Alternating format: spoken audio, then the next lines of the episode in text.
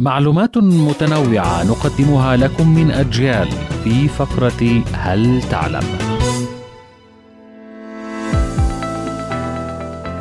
بدأت لعبة كرة القدم في إنجلترا بدون قاعدة التسلل قبل أن يتم توحيد قانون اللعبة في عام 1863 وإضافة بند لقاعدة التسلل لأول مرة وآنذاك كانت تشير إلى أن لاعب الفريق المهاجم في وضعية تسلل إن لم يتواجد ثلاثة لاعبين من الفريق المدافع.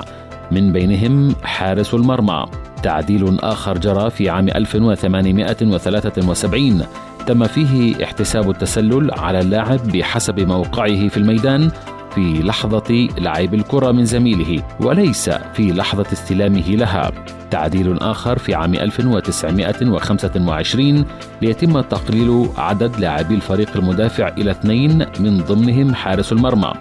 انتظرنا إلى عام 1990 لرؤية تعديل جديد تم اعتماد ضرورة أن يكون لاعب الفريق المهاجم بالتوازي على نفس الخط الوهمي مع لاعب آخر من الفريق المدافع قبل حارس مرماه جاء العام 2005 بتعديل جديد في قاعدة التسلل ليحدد أن اللاعب يكون في وضعية مخالفة للقانون إن كان جزء من جسده. في صيف 2018 تم الموافقة رسميا باستعمال تقنية الفيديو في اللعبة في أربع حالات من بينها تحديد وجود تسلل إن انتهت الهجمة بهدف في مرمى المنافس.